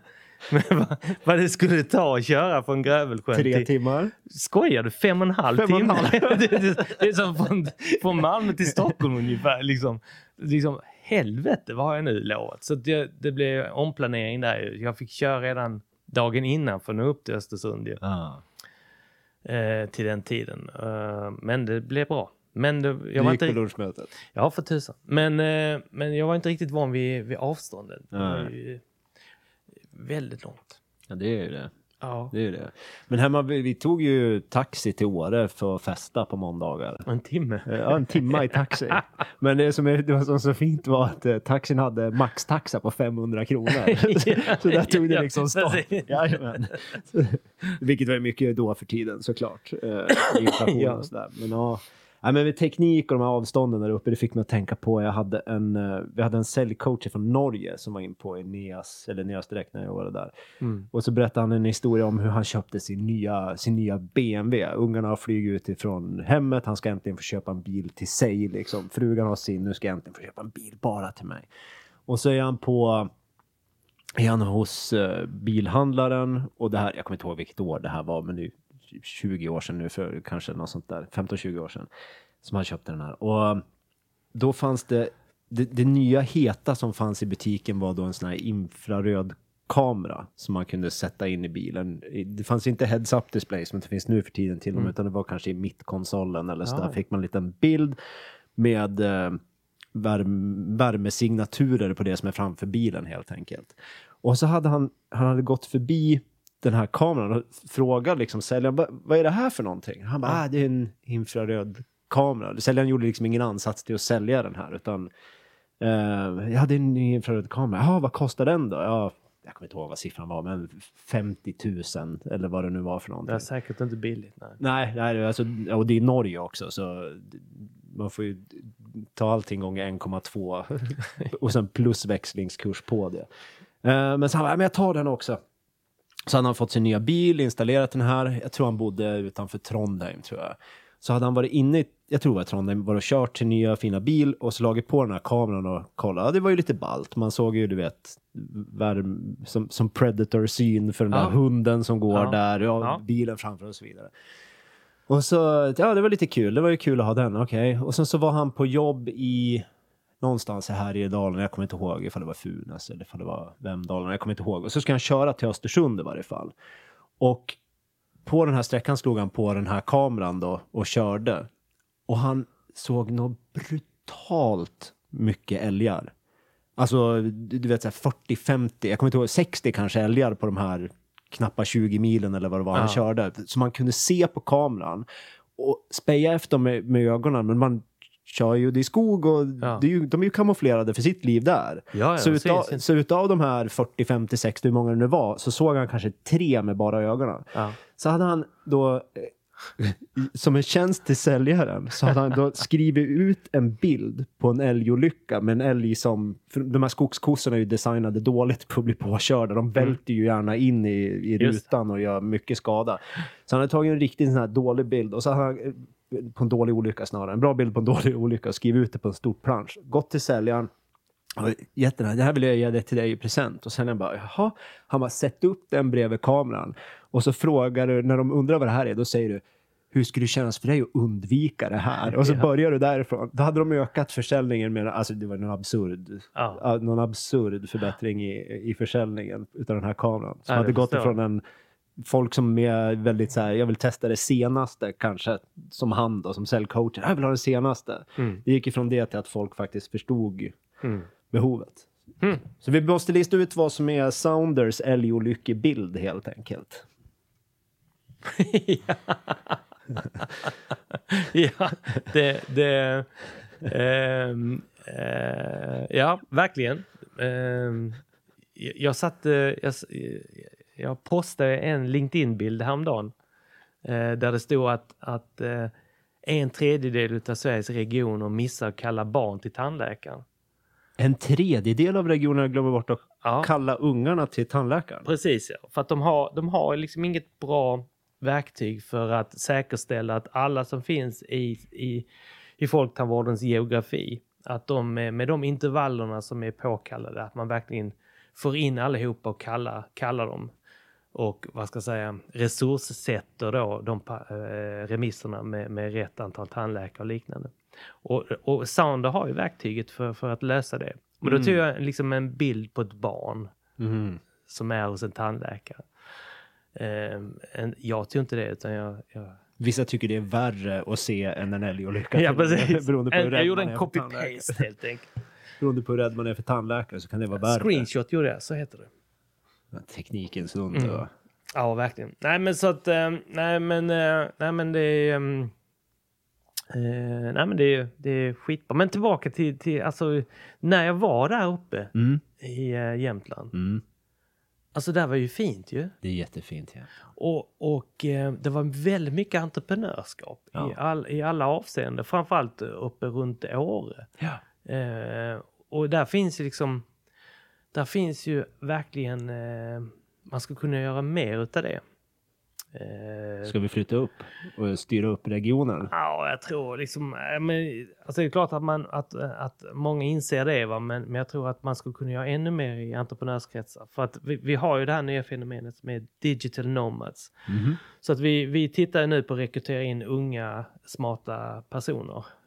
Och då är det liksom, idag är det accepterat att uh, alltså man kan säga upplägget, vi peggar upp så här, så här, men eh, vi fixar så du får bo en månad. Jobba tajt på bolaget uppe i Karlskrona då. Eh, men sen kan du, när du liksom har förstått vår kultur, du förstår liksom vilka fronten, backen, vad vi utvecklar, hur det funkar. Sen kan du sitta och jobba precis var du vill. Och han vi pratade med nu sist, han eh, examineras ut ifrån Karlskrona, BTH mm. där, men han är ifrån eh, i Upps Uppsala. Och då vill han flytta tillbaka och bo i Uppsala för han har ju flickvän och mm. familj och sånt där. Eh, men se, liksom, vi ser inga problem och han ser inga problem att jobba remote gentemot ett bolag i Karlskrona. Såklart. Eh, och det tror jag är liksom det är ju verkligen... Eh, Framtiden på något sätt. Och det är ju ett konkret resultat av pandemin. Ja. Den här ängsligheten ja. över att du måste vara på kontoret. Jag var besökte ett bolag idag i Malmö eh, träffa vdn för ett life science-bolag.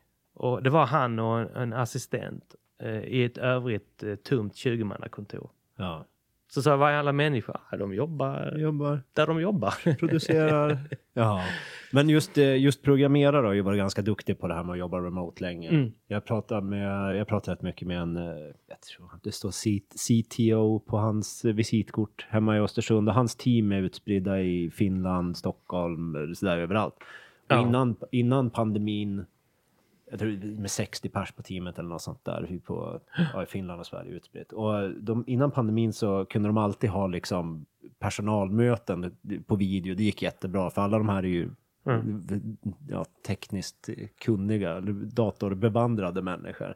Men efter pandemin så kan de nu också köra kundmöten och hela den här mm. kittet. Mm. Så samhället har blivit mer van eh, mm. det Men när jag, när jag pratar Teams-möte med dig, du, du gör en bra... Alltså det här med ljudet är otroligt viktigt. Ja, det är jätteviktigt. Ljudet är det viktigaste skulle jag nästan vilja säga. För att det gör ingenting om bilden är liksom halvskarp och lite, men är det bra ljud så blir det ett bra möte. Men är, är det en bra bild och dåligt ljud och de pratar direkt i mikrofonen i laptopen och ja. sånt där, då, då blir det ganska omgående ganska jobbigt.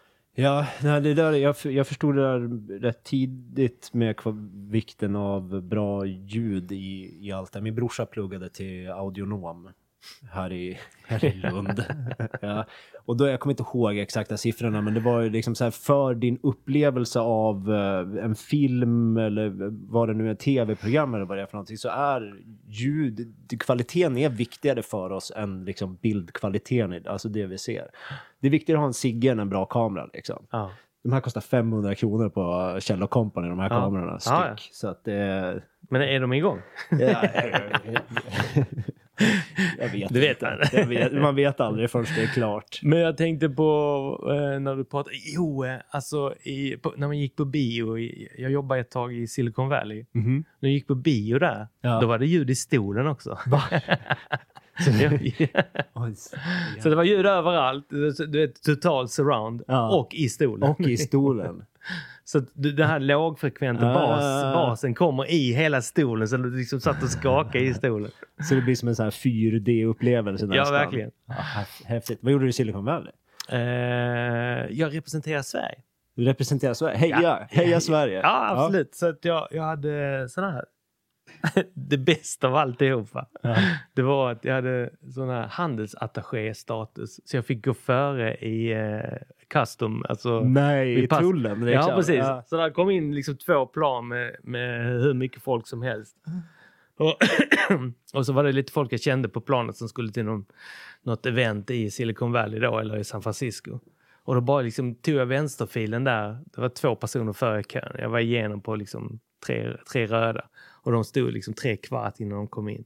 Det var det bästa. Nej, det, jag det, skojar. det var det bästa. Nej, det var det inte. Det var det första som poppade in i huvudet i varje fall. Ja, nej, men det var, det, var att, det var att jag representerar Sverige i ett nordiskt samarbete som heter Nordic Innovation House som är, ligger precis vid Stanford. Sverige har ju nu unik eh, tillgång. Det är ju att vi som enda land i världen faktiskt har en statlig myndighet, det vill säga Vinnova, Ja. som sitter på insidan med Stanford-adress. Eh, och det har de av den enkla anledningen att eh, Wallenberg, Ja. stiftelsen eh, och familjen Wallenberg har, har vid en jordbävning så donerar de pengar för att bygga upp en flygel på, på Stanford, en, en stor byggnad där. Jaha. Och sen så har, har de då eh, fortlöpande eh, finansierar de 20 stycken postdocs som gör eh, research då på Stanford. Eh, och har gjort det under många år. Så där finns liksom en upparbetad eh, relation. Tack vare Eh, Wallenberg. Eller Wallenberg. Just det. Ja, just det. Och varken eh, Finland, Danmark, Norge eller Island har den, de ingångarna till världens främsta universitet. Eh, och, och det kan vi, kan vi ju, och det använder vi också i, Vinnova använder det i sitt samarbete för att, för att skapa kontakter och förankra även andra områden eh, utanför för eh, de här 20 postdoc. Eller administrera de här 20 postdoc Mm. och hålla ihop det tillsammans med Wallenbergarna. Mm. Ja, det där är ju också ny information. Det, det här, starta podden är det bästa beslut jag har gjort. Ja, Även ifall vi inte har släppt ett enda avsnitt än i, i denna stund. Så jag har lärt mig så otroligt mycket på de här Ja. konversationerna. Alltså. ja. Det här, vi får... Så det, det innebär liksom att, att man kan använda det som en språngbräda om man vill komma åt någon forskning som man vet, ja men de, här liksom hänger på Stanford. Eh, om man skulle vilja benchmarka sig eller ha något samarbete, då kan man alltid gå via eh, Vinnova. kansliet där. Ja. Inger Gustafsson sitter där just nu. Inger Gustafsson. Ja, Okej. Inger Gustafsson heter hon. Ja. ja, häftigt. Okej, så du representerade Sverige i... Ja, och där fanns ett co- coworking space också i Palo Alto. Så, så att eh, så man kan åka dit och sätta sig som i en liten inkubator där och hänga med några andra entreprenörer medan man försöker eh, hitta samarbeten och sälja sina produkter och tjänster eller hitta finansiering hos eh, VCs och änglar som finns där. Har du, har du rest mycket i livet? Eh, allting är ju relativt. Relativt. Ja. Hur många kontinenter har du varit på? Eh, alla höll jag på att säga, förutom... Utom Antarktis? Ja, och inte Sydamerika heller. Ja, okej. Men annars har det nog varit överallt annars. Ett resmål man inte får missa då innan man dör. Vad skulle det vara? Behöver egentligen inte resa så långt faktiskt. Okej. Vilket är åtkomligt för varenda svensk. Ja. Eh, och eh, det är... Eh, Karlskrona. nej, Torget i Karlskrona. nej, men det är ju, det är ju eh, Sardinien. Sardinien. Sardinien. är det så? Ja, det är ju... Alltså, jag tog mitt dykarsätt för många år sedan på barriärrevet eh, när korallreven fortfarande fanns kvar. Och, men i Sardinien har du liksom, du har lika bra vatten, om inte bättre vatten, om du ska dyka och, Mm. och uppleva natur. Och så finns det en matkultur på Sardinien som är outstanding. Ehm, och eh, ja, Sardinien och Sicilien är också väldigt fint. Apulien där nere också i klacken i Italien. Mm. Ruggigt fint, fantastiskt vatten. Eh, ja, fantastisk upplevelse. Fantastiskt. En bok man måste läsa innan man dör då? Eh, Ja, den är alltså...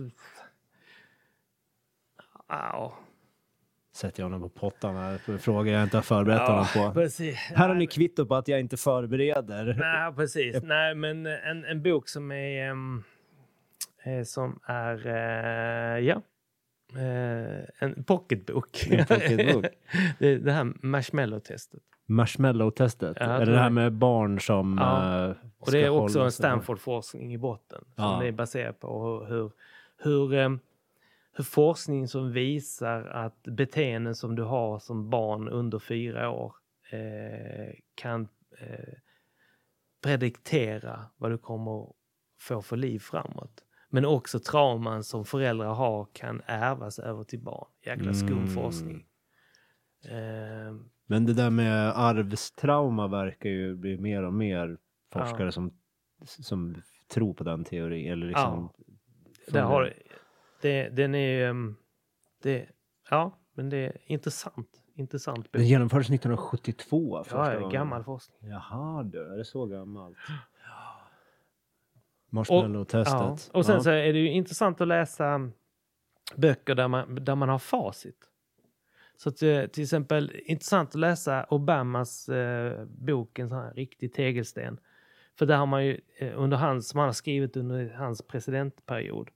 För här har man ju, man har ju fått uppleva det och nu läser Mm. man boken, vad hände bakom eh, vad hände bakom så att säga? Mm. Hur hanterar, vem, vem och hur hanterar hur gick diskussionen i den stora bankkrisen 2008? Eh, överlämningen När mellan Bush När han är och... ny på jobbet. Nej, precis ja. Och, och liksom, och, det är intressant att förstå hur en... Eh, hur, eh, bakom kulisserna, hur, hur det arbetet och vad han gör och vad han delegerar till olika personer och hur han för, försöker styra sin stab eh, och hur eh, svårt det är att få, få igenom sin vilja. Även om man är Mm. liksom president så är det ett eh, oändligt eh, förhandlande. Mm. Eh, ja. Den är bra rek. Jag ska kolla, jag ska kolla in marshmallow-testet och Obamas tegelsten. Ja, och så, så, så är det den här som jag pratade om, en- den svenska forskaren som har liksom det här med vår, vår etnicitet och vårt ursprung och de stora folkvandringarna. Mm. Och att, att vi liksom alla kokar ner till att vi kommer från 50 individer. Ja. Så liksom cut the bullshit. Cut Liksom. the bullshit. Vem är svensk och vem är inte svensk? Liksom. Magnus Bettner hade en eh, känd sån här stand-up bit när han pratade om eh, att eh, den ariska rasen härstammar från Indusdalen i norra Indien. Ja, precis. Det, det, det, det är så otroligt intressant. Alltså. ja. Nej, så att den är också otroligt, liksom, man blir ödmjuk. Ja. Man blir, ja precis, man, man, ja men det blir man ju. Jag hörde någon på någon podd som, jag kommer inte ihåg vad han forskade i egentligen, men han eh, sa att eh, det finns uppskattningar som säger att Homo sapiens var nere på mindre än 4000 individer globalt vid något tillfälle. Mm. Så så nära är det att vi dör ut någon gång i vår förhistoria liksom. Ja. Ja men så är det är precis som, som stora bolag som eh, Clicktech och Axis. De har också varit nere liksom och, man har hört stories liksom att de har kämpat för sin överlevnad och varit tomt i kistan etc. etc. Innan de har vänt på något magiskt sätt. Ja. Vad är, vad är viktigaste egenskapen att ha när man ska vara vd på ett bolag tycker du? Då? Eh, Beror det på bolag eller är det, är det samma? Nej, alltså det är liksom... Eh, eh, alltså ett bolag har ju ett existensberättigande i form att, att man har en vision. Man Mm. har liksom någon form av produkt och tjänst. Och sen så kan man eh, framställa den produkt och tjänsten till, till ett, eh, ett pris som är lägre än vad folk är beredda att betala. Och därmed så gör du ju vinst när, du, när du säljer det. Just det. Eh, och och, och sen, sen så har du liksom, sen är det teamwork för att det finns många personer som har bred kompetens. Mm. Så de kan, de kan hantera bokföringen, de kan, ja men jag kan nog skriva ett avtal och, och, och jag kan, eh, ja men jag kan prova sälja lite grann och så kan jag springa ut i garaget och så kan jag nog utveckla lite grann. Och, och jag tror den stora faran är ju att man eh, överskattar sin förmåga. Inte överskattar sin förmåga utan man kan hantera otroligt många saker. Men man underskattar tidsåtgången. Mm. Och då, därför handlar det om att, att bara för att, att jag kan lite juridik till exempel. Eh, så kanske inte jag ska sätta mig ner och, och, ta två dagar för att skriva fram ett licensavtal. Nej. Utan jag ska göra ungefär som AI där. Eh, utan jag ska gå till en licensavtalsjurist som är expert på det, som är up to date med den senaste nationella och internationella lagstiftningen. Så ska jag be hen att, för fan, det här är setupen, skriv fram ett, ett bra eh, licensavtal som liksom tar hänsyn till att vi ska in på amerikanska marknaden också, bla bla bla. Och sen så kan jag, visserligen har jag ju juridisk skolning, så jag kan ju läsa igenom det och förstå det ganska snabbt, kanske mm. lite bättre än genomsnittet. Bättre än mig, garanterat. Ja, eh, men du kan ju säkert titta på en, en, när man gör en setup för en försäljningsprocess, så kan du skärskåda den för du har det i fingrarna på ett annat sätt än vad jag och, och vad det handlar då om, det är ju att, att man, man ska ha tillit till att ha ett team med olika kompetenser och ge eh, ge personer ett, ett ansvar och en tillit för att, att efter sin kompetens göra eh, sitt jobb i enlighet med visionen på, mm. på, på medellång sikt, två, tre år framåt. Att det är dit vi ska. Och det innebär att om, om jag vill ha gjort en hemsida eh, och jag sitter som vd så måste jag ha förtroende för att, att den personen som jag ger det uppdraget till kan göra en hemsida tio gånger bättre än vad jag själv kan. Mm. Eh, och, eh, och det krävs att man har, har trust helt enkelt, förtroende för, och tillit. Eh, och, och oftast så blir det ju, oftast blir det ju eh, 110-120 gånger bättre än vad du själv hade kunnat föreställa dig. Att lita på folk nog att bli duktig på att delegera, eller våga ja, delegera. Ja, precis. Ja. Eh, och, och ibland så, ibland så blir det inte riktigt som man har tänkt. Det blir, man har överskattar en individs kompetens i, inom ett givet område. Eh, och då, då, då har man ju troligtvis eh, gjort en felbedömning i vad han eller hon kan, kan eh, leverera. Mm. Eh, och då eh, är oftast det bästa sättet det är ju att, att eh, att inte ge den personen samma uppdrag igen. Utan försöka komma på, okej okay, vad är den personen bra på? Ja. För det finns så många olika funktioner i ett litet bolag så då kan den personen säkert ta en annan roll. Och, eh, eller så säger man till personen, okej, okay, eh, det här blir inte riktigt som vi har tänkt oss, det blir faktiskt inte riktigt bra. Vad behöver du för support och stöd för att du ska nå dit vi, vi, vi alla, både du och jag, vill? Eh, och, och då kan man ju hitta saker och ting som man har missat själv. Ja. Att få se personen med liksom, ja men du ville att jag skulle göra det med utgångspunkt ifrån eh, ett Excel-ark, men eh, jag har aldrig jobbat i Excel förut. Du bara utgick från att jag kunde Excel. Ja, det gjorde jag. Okej, vill du ha en Excel-kurs? Ja, men det skulle vara bra om jag kunde köra det eh, över tre månader här, bli riktigt supervass på Excel. Bra, då fixar vi det. Och ge dem verktygen och viljan och drivet finns där. Just det, jag tog upp Excel. Jag gjorde exakt den missen här att jag antog, jag antog att man hade, ju, man hade haft koll på Excel, men det hade inte alla som jobbar här. Så roligt Nej. att du tog det exemplet. Ja. Inte för att jag är någon superfena på det heller. Man träffar ju vissa sådana här Excel-magiker som kan göra nästan ja. programmera, skriva det som ett datorprogram nästan. Ja. Men, ja, nej. Ja. nej, men så att, så att det är liksom, det är ju, och, och, eh, och management by, by fear funkar inte tror jag. Utan det måste vara liksom eh, management eh, by vara positiv. Nej, men, eh, you catch more bees with honey than ja, vinegar. Nej, men det finns, det finns ju studier på det som visar att, att, att eh, är du positiv och bejakande eh, eh och, eh, och ger beröm så, så på lite längre sikt så, så levererar den individen bättre. Mm.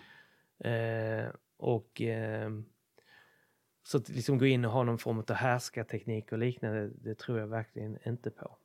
Eh, utan eh, jag, tror, jag tror på liksom att man ska bara förstärka positivt hela tiden. Det är som att få uppfostra en hund helt enkelt. Ja.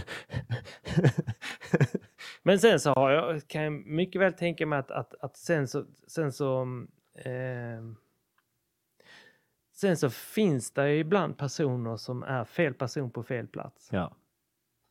Och, eh, och då måste man ha modet efter att man har gjort några sådana kovändningar. Och sen till sist kommer man fram till, ja, vi, vi behöver den här setupen för vår organisation. Och vi behöver de här kompetenserna. Och här har vi en person på lönelistan som inte matchar något av det. Eh, då måste man vara ärlig mot individen och säga att sorry, vi, vi liksom har inte en bra uppgift för dig i detta bolaget. Mm. Och intuitivt så tror jag att individen känner det på sig också. Och då, då är det bra för båda parter att, att man på ett smidigt sätt liksom, okej, okay, tror att du skulle passa i, i, en sån här funktion istället eller kanske tydliga strukturer där du, där, där, där du bättre vet tjänstebeskrivningen mer i detalj att det här, det här ska göras under, under arbetstiden. Medan vi, vi kanske kräver mer kreativitet och att du löser saker och ting allt eftersom problemen dyker upp. Och, och då är kanske inte vi den e-, excellenta eh, arbetsgivaren för just dig. Och lättnaden man kan se i människor i det skedet är ju mm. rätt intressant. För jag tror precis som du säger att de känner ju på sig, eller de vet det undermedvetet att det här inte är rätt. Liksom. Så när de ja. väl får riktning bort så kan det vara en, en enorm lättnad för Absolut. personen. Jag menar, jag jobbade ett tag när jag efter, eh, var under gymnasiet tror jag, eller efter så jobbade jag extra som försäkringssäljare på Trygg Hansa. Mm. Där du ringde på kvällen då. Ja, ja. och bara tryckte telefon då. Ja. Eh, och så, fick du, så laddades det ner en batch med, med telefonnummer som du fick agera på. Ja. Och de som jobbar heltid med detta här, de visste ju vilka telefonnummer som var de som... Alltså de visste så här att, att det fanns tre märken där Trygg Hansa var, var, liksom hade attraktiva försäkrings... Så de skrev snabbt, snabbt igenom batchen och kollade telefonnummer mot vilka bilar de hade. Ja, ja, så såg de, har man Audi då har vi alltid bättre pris. Så sharepickar de det. Så de, så de jobbar som fan första kvällen. Då har de tagit alla russinen ur batchen av telefonnummer. Och sen så lät de oss eh, tomtar då som var lite gröna va? sitta och ringa på liksom en halvkass Ralfa Romeo. Vill du ha en försäkring? Du, du sparar 12 kronor per år. vill du inte byta för 12 kronor? Ja, jag vill inte det. Sa någon norrlänning då eller någon annan tomte man hade på. Det var ju helt jävla omöjligt liksom. Ja. Eh, och så, så fort man insåg logiken kring hela det eh, så, så insåg man att fan, här ska inte jag vara. Det är inte rätt. Nej. Jag minns, apropå det där med att sälja. Då, tar, då, då, liksom, då, nej, då, då, fanns sälla, då checkar jag ut. Fanns säljare i jaktmarken någon annanstans då? Ja, precis. Men, men där kan man säga, det, det liksom, när man, när man, om inte, alltså, ja men där tror jag att det, där, där, där liksom, där är ju lite grann kärnan. Jag är lite så här, eh, Rickard Rättrådig, alltså det ska vara rättvis, ha rätt stort rättvisepatos, alltså schysst mm. liksom, alltså, man ska vara schysst. Alltså, man ska vara schysst. Du ska inte plocka godis från barn. Bara för att du, du alltså menar, ibland sitter jag på ett kunskapsövertag när jag tittar på, på tidiga projekt, tidiga bolag. Mm. Där, där jag skulle kunna... Eh, Roffa åt dig? Absolut. Ja. Eh, och jag ser de som gör det pratade om ett sånt ärende tidigare idag där jag tycker att, att eh, någon har varit inne och i princip plockat godis från barn. Mm. Eh, och då, då tycker jag liksom att eh, eh det kommer fram förr eller senare. Eh, när när eh, upphovsmannen eller, eller forskaren efter några år kommer på att vänta lite, här delar jag ut aktier till ett hysteriskt lågt pris. Ja. Eh, och de har tjänat storskovan och de har inte bidragit med någonting för att, att öka värdet i bolaget. Och ändå så sitter de där med en corner och ska liksom ha en väldigt stor avkastning på grund av att de råkar varit på, på rätt läge vid rätt tillfälle och inte eh, eh, briefat den här personen som varit okunnig kring mm. deras situation. När de har utnyttjat läget och gjort det och, och det kan man, så, så, det kanske, man kan, man kan naturligtvis hävda det från ett annat perspektiv. Att varje gång du sitter och tittar på Antikrundan. ja. Det kollar vi också på här bara. Ja, ja. så är det ju någon, alltså det är glädje att se att, att när de säger så här, ja, jag, jag hittade den här dosan, köpte den för 15 kronor på en loppis ja. och nu är den värd 25 000. Ja. Och då, då gläds man åt att den personen där och då i tv. Men samtidigt kan man tänka, okej, okay, den andra personen som har sålt den för 500 kronor på en loppis och ser det här på Antikrundan. Precis. Vi skänker inte den stackars personen så, så mycket tankar. Nej, det gör vi faktiskt inte. Vi kanske borde göra ett uppföljningsprogram där vi åker runt i alla loppisar som har haft produkter på Antikrundan och se deras Toppen. bedrövlighet. Och där, där, finns ju inom, inom eh, upphovsrätten så finns det ju en, en um en eh, fransk eh, rättsutveckling som har fått en spridning över hela Europa som handlar om att, att, att, eh, att konstverk har, har eh, följerätt.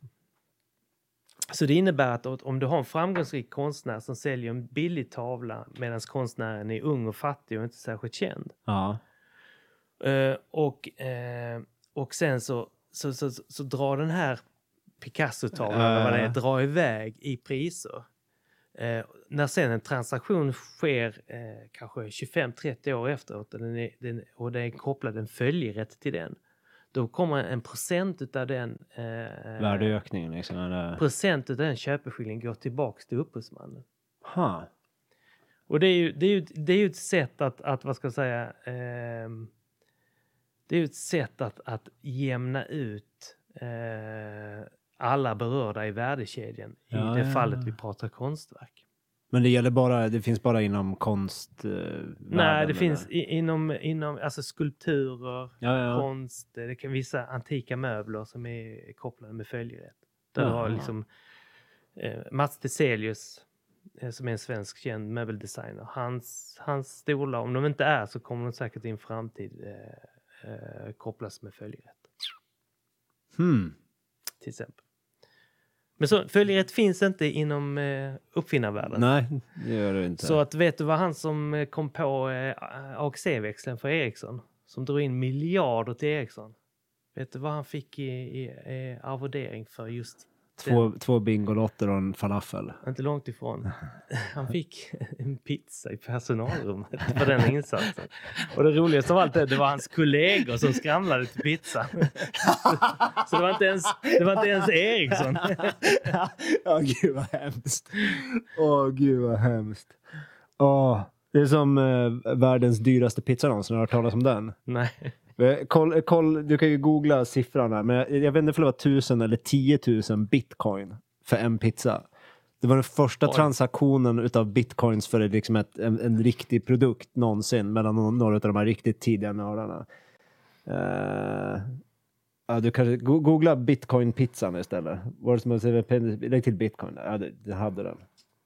Han, eh, han får träna på Google. Mm. Han, bitcoin pizza story. Ja, men är det inte någon som liksom har, har glömt sitt lösenord till bitcoin? 100 000 bitcoin. K kolla, hu, hu, skriver i Google-fönstret 100 000 BTC to SEK. Ja. Ett och fem nollor. Och så, men alltså BTC to SEK. Han köpte alltså en pizza. Ah, det var ju inte så mycket. Va? 100 000? Nej, nej, nej, det där kan inte stämma. Känns lågt. Det kändes väldigt lågt. Ja, där, det där ser rimligare ut. 29,7 miljarder svenska kronor med dagens kurs. Mm. 29,7 miljarder. Satan i gatan. Där har du en... Det är pizza. Ja. Ja. Den var mer värdefull än den men, som men skramlades fram. Det finns ju andra sådana stories om, om just bitcoin. Att de har glömt lösenordet i en laptop som har liksom hamnat på soptippen mm -hmm. någonstans. Så vet de att någonstans bland dessa två miljoner kubikmeter så finns min laptop. Och hittar den så, så kan kanske skramla fram ett lösenord som ger mig 10 miljoner kronor. sånt. Ja, jag frågade en eh, bitcoin eller en kryptoexpert, vad, mm. vad händer med dem? Vad händer med de bitcoinen i liksom legend? Nej, men de är borta. Mm. Så värdet för de bitcoin som finns kvar borde ju gå upp då eftersom de här blir passiva eller vad man ska säga. Aha. Men det kommer ju max skapas ett visst antal och ja, till slut kanske alla bitcoin är bortslarvade ifall inte folk är försiktiga. Så kan det vara. Ja, så kan det vara. Vet du vad Rickard? Nej. Jättestort tack för att du kom hit. Ja, är vi klara nu? Alltså, jag tänker att klockan börjar, det börjar bli... Var det allt? Var det allt? Nej, men vi, jag tar jättegärna och sitter kvar ska du, ska fyra du gå redan nu? Nej, Nej, men vi, jag tänkte att klockan börjar bli... Jag tänkte på det, klockan börjar bli fem. Du ska väl hem och ha en fredagsmys och sådär, är det inte så? Ja. Ja. Eller ska du iväg och jobba på Malmö? Ja, precis. På fritiden? Nu, ja, precis. Nu är det, nu är det tillväxtkommissionen. Mhm. Eh, jobbar fram en, en eh, strategi för eh, Malmö stad. Men Malmö stad är inte bara Malmö stad utan det är ju liksom huvudstaden i vår region. Mm. Så att eh, det som vi gör i Malmö får ju naturligtvis en återverkan för hela Skåne. Mm. Så att det är ju spännande. Det blir ringar på vattnet när man gör någonting i Malmö liksom. Ja, men det, det, jag tror det är, liksom, det är viktigt att, att jag hänger där för att jag hissar upp flaggan att det gör ju också Göran, sitter han som är från Ikea. Eh, att, att vi får ju med jämna mellanrum påminna om att det finns en, en, liksom, en närhet av både Helsingborg och Lund och en omgivning i övrigt i Skåne som, som liksom varje dag interagerar med Malmö. Och Malmö är Mm. inte vad Malmö är om det inte hade varit för om, omgivning, närmaste omgivning och tvärtom. Ja, verkligen. Så att, så att man inte bara liksom sluter sig och bara tänker ut smarta grejer. Äh, det här ska vi ha i Malmö, liksom bara Malmö, Malmö, Malmö. Utan de måste förstå och ta det här liksom storebror-ansvaret som de har. Det var bra att du inte hade så bråttom härifrån nu. För nu kom du på någonting, det ser jag på jag, kom dig. på, jag kom på en fråga jag fick av Rasmus Tarnblom när han var här. Ja. Vice eh, chefen på kommunfullmäktige, vice ordförande i kommunfullmäktige här i Lund. Mm. Han frågade mig hur jag skulle marknadsföra Lund. Och jag hade inget bra svar, jag, för jag är ju säljare, så jag svarade Mm. typ, ja nej men det är väl bara att lyfta lur och börja ringa alla svenskar en och en och bara, hej har du hört talas om Lund? Ja. Eh, hur, hur, hur marknadsför man en stad? Eh, det kan man inte. Nähä. Men du, har ett, du som är från Jämtland Mm. har ju ett ruggigt bra skolexempel. ÖFK? Nej, det kallas för destinationsutveckling. Destinationsutveckling. Ja, och det är så man marknadsför en stad. Och vad pratar jag nu om? Ja. Jo, åk till Åre Ja. ja, och knalla runt där. Och hälsa på alla stockholmare. Nej, nej men, men äh, man, alltså, åk runt. Alltså, jag är så fascinerad över för att någon, någon jävel har gjort någonting djävulusiskt bra. Ja. Det är ju att oavsett vem du träffar på i Åre så får du ett fantastiskt bemötande. Och det är summan av alla de små mötena som gör att när du reser ifrån Åre så upplever du fan det här var ett supertrevligt ställe. Och vad jag är ute efter där, det är du går in i, i, i liksom Coop-butiken, Mm. eh, i kassan där, du i liftkön, de hjälper dig med liften eller du köper ett kort, du är på hotellet, restaurang, var du än så möts du av, av vad ska man säga, av eh, nyfikenhet, eh, glädje, ett tillrop eh, som gör att du bara tycker wow, det här är ett kanonställe. Och det, det, det tror jag liksom när man marknadsför en stad så pekar vi, ja, det är någon som ska göra jobbet. Jag tror att när du marknadsför en stad så är det stadens invånare som ska marknadsföra staden. Mm. Du ska göra det precis som du gör en destinationsutveckling. Det, det innebär att ska du göra någon form av kommunikation så ska du kommunicera med dina egna eh, medborgare och så säga till dem nu ska ni, vi förväntar att ni är stolta av att bo i Lund och vi ska förse er med argument och eh, verktyg för att när ni träffar folk utanför Lund eh, så ska ni tänka på att ni är ambassadörer. I samma stund ni träffar dessa människor så är ni ambassadörer för Lund. 24-7 är ni det. Så att, att, eh, och tycker ni bra om Lund, passa på och säga de här sakerna som är bra om Lund. Eller bara säga att ja men tjena vad roligt att se dig, jag är från Lund. Kom gärna och hälsa på. Man får, man får alla, alla får, man får applicera den här gamla försvarsmaktsregeln, den här främja ditt, ditt förband och försvarsmaktens anseende utåt. Det ingår liksom i reglerna för att vara en eh, soldat. Så man får göra det till främja ditt, din, eller din postnummer och din stads anseende utåt till alla lundensare. Ah, något sånt. Ja, Något men- sånt och drilla in den här regeln. Men, men det, och, alltså det som slog mig när jag var ute och backpackade många år sedan. Ja. Och då reste jag till ett ställe som hette South Stratbroke Island och Fraser Island. Också, vi pratade om Fraser Island har vi hört talas om. Ja. Den andra hade jag inte hört om. Men vad, vad har du hört om Fraser Island? Eh, vad har vi hört om Fraser Island, Det Sigge? är världens största sandö. Det är världens största sandö, exakt. Det är Just utanför det. Australien. Det, Just just, det. det. just det. Dr. Vid. Butler var där, ja. Ja. Exakt, just det. Alltså det är så jäkla fint. Ja, det, jag, sett, jag såg hans foton där, det ser Ja. helt bisarrt ut faktiskt. Kalas. Det är som Gran Canaria fast större. Ja, men det, ja, det är svårt. Fantastiskt ställe. Men Ja, varför pratar jag om det? För att de främjade, de främjade sitt anseende utåt, så man mindes det. Bemötandet av pers personalen där. Kolla, kolla på det här stället. Världens största sandö. Ja, där, där, där har jag simmat. Där, den, längre upp. Ja, där, där det trädet är, den sjön. Ja. Det, det är så rent vatten så du kan dricka vattnet medan du simmar. Fast det kan man nog göra i, på, i Vättern också. Det kan man göra de flesta svenska insjöar. Ja, precis. faktiskt. Men det är intressant. Det intressanta med, med Fraser Island är ju att ehm, eh, Men det är sand, alltså det är ingen berggrund utan det är som Nej, det- sand. eh, Ja, sand och det är sand. stora hästflugor som kommer flygandes och tar här stora, äter stora bitar av din hud när de landar och ska tugga på dig. Det vi kallar för en broms. Eh, Just det. Mm. Ehm, Men vad jag skulle säga med, med Australien eh, så var jag där och backpackade. Mhm. Och det som jag än idag förundras över det är ju att alla kanadensare de hade små sådana här eh, ambassadörskit med sig. Med små, eh, små liksom små giveaways med kanadensiska flaggan, små, eh, liksom, små björnar och liksom märken. Är det och, sant? Ja, så att när de reste ut så fick de liksom ett toolkit att fan nu är du ambassadör för Kanada. Sy upp den här kanadensiska flaggan på din ryggsäck. Här är lite en, en Kanada-keps du kan ge bort och här är lite giveaways. Um, det är ju perfekt ju. Var, varje kanadensare är en ambassadör när de drar utomlands. Vi kanske ska ge Rasmus och gänget på kommunen här det rådet att de får ha med, man får ha små giveaway-påsar folk har med sig när de åker utanför Lunds kommungränser. Absolut, Ja. absolut. Små kepsar. De Små, kan... små kepsar med domkyrkan på. Ja, precis. ja, precis. Ja, ja, ja eller jättefin eller precis. Ja, precis. Ja. Stor t-shirt så här. Liksom. någonting. Ja.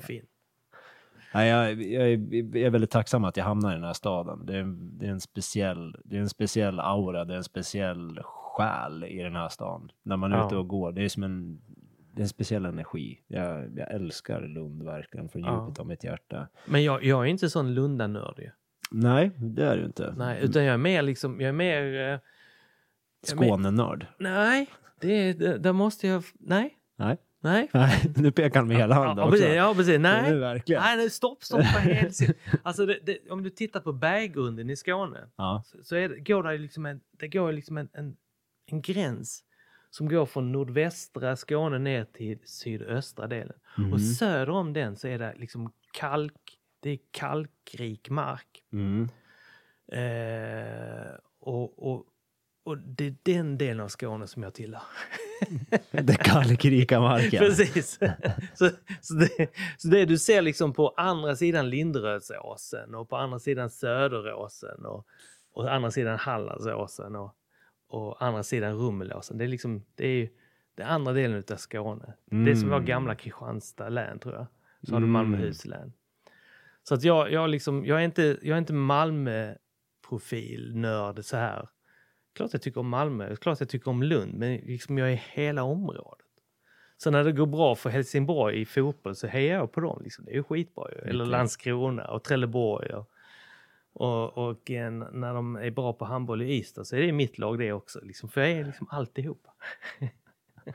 Det är en, det är en behändig det, region att ha alltihop kring. För att allting finns ju här. Så då är man Ja. omni, omni-hejare på något Ja, sätt. precis. Man är omni. Så att, eh, Ja. ja. Så att, eh, och det är svårt för dig ja, det är väldigt svårt för mig. För att du menar Jämtland har bara en stad. Det är korrekt. så att, att, Det är korrekt. ja. Så- Eller lätt kan man också säga att det är för dig. Ja, så är det ju. Men det, det är lustigt, jag har bott här så länge nu att det här är ju hemma Ja. på något sätt. Men jag säger ändå att jag ska hem till Östersund. Du säger det? Ja, när jag ska hem. Jag ska hem till Östersund på bröllop nu i sommar till exempel.